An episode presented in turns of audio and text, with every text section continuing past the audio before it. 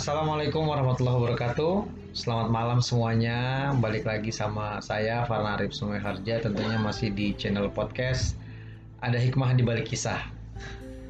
Semenjak COVID-19 yang mewabah di Indonesia ini sejak sekitar bulan Maret, kita tahu bahwa kebijakan pemerintah melarang mudik dan juga melarang pulang kampung.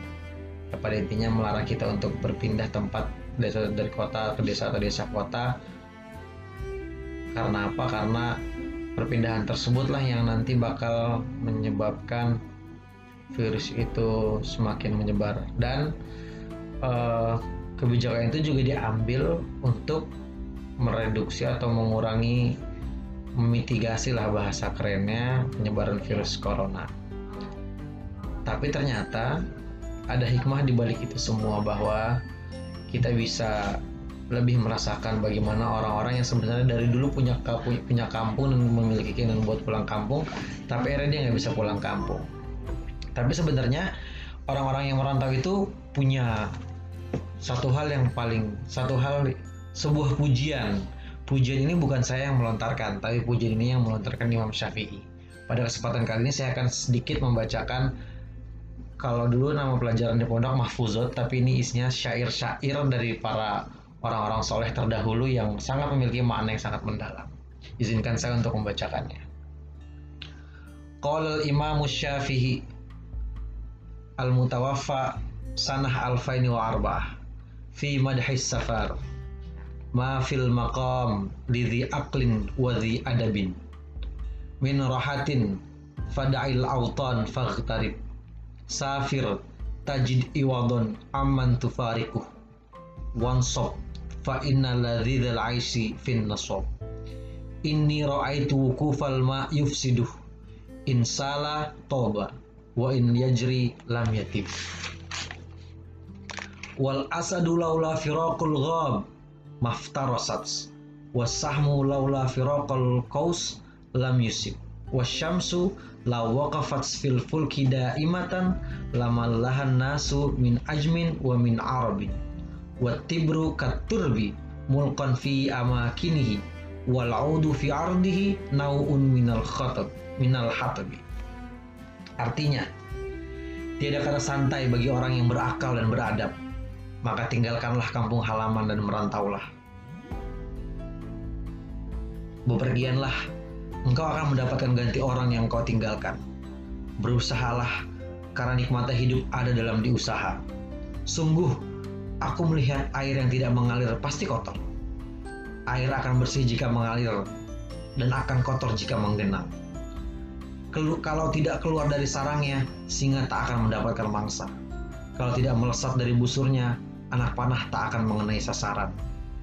Matahari kalau berada di poros di porosnya selamanya, niscaya semua orang baik Arab maupun non Arab pasti akan bosan. Timah akan seperti tanah kalau terus berada di tempatnya kayu cendana pun hanya akan seperti kayu bakar bila menetap di tanah. Tadi yang saya bacakan adalah syair Imam Syafi'i uh, yang yang berjudul Fi Madhi Safar. Kalau kita lihat maknanya ini sangat dalam, maknanya ini sangat luar biasa karena dia ngejelasin bahwa pujian orang-orang yang meninggalkan kampungnya. Sebenarnya lebih ke arah pada bagaimana kita berusaha meninggalkan zona nyaman kita, bagaimana kita bisa meninggalkan suatu hal yang sudah kita anggap nyaman, tapi akhirnya kita berusaha untuk meninggalkannya. Demi apa? Demi kebaikan kita. Karena apa? Karena air kalau dia hanya tetap di satu tempat, contoh air di kubangan, kalau dia tidak dialirkan, maka air tersebut hanya akan menjadi sebuah kotoran yang tidak ada manfaatnya. Tapi kalau air yang mengalir, apalagi air mengalir dari hulu ke hilir, dimanfaatkan untuk bisa seperti uh, pembangkit listrik tenaga air, bisa digunakan sebagai uh, sumber mata sumber mata air yang bisa dikonsumsi oleh manusia. Lalu kita lihat singa. Mana yang lebih hebat? Singa yang dalam kebun binatang atau singa yang berada di hutan? Singa yang lebih hebat adalah singa yang di hutan secara nalurinya. Karena dia harus bergerak untuk mendapatkan mangsanya.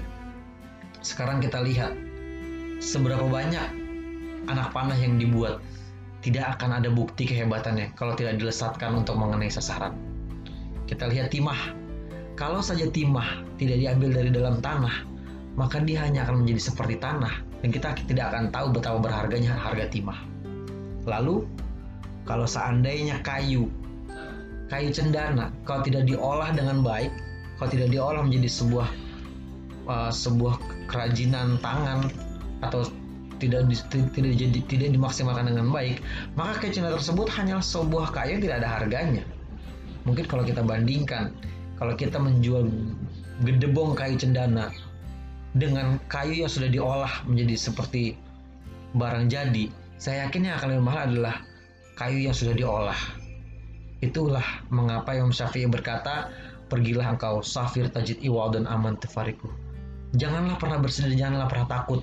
Karena setiap kita meninggal satu tempat, sesungguhnya kita sudah disiapkan pengganti bagi orang-orang yang telah kita tinggalkan.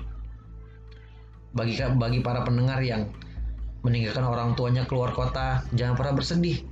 Karena sesungguhnya orang di sekitar kita mampu menjadi orang tua kita, meskipun tidak orang tua kandung tapi orang tua tersebutlah yang akan mampu mendengarkan kita dikala kita susah dan dikala kita gundah. Terima kasih. Semoga bermanfaat. Akhirul kalam. Assalamualaikum warahmatullahi wabarakatuh.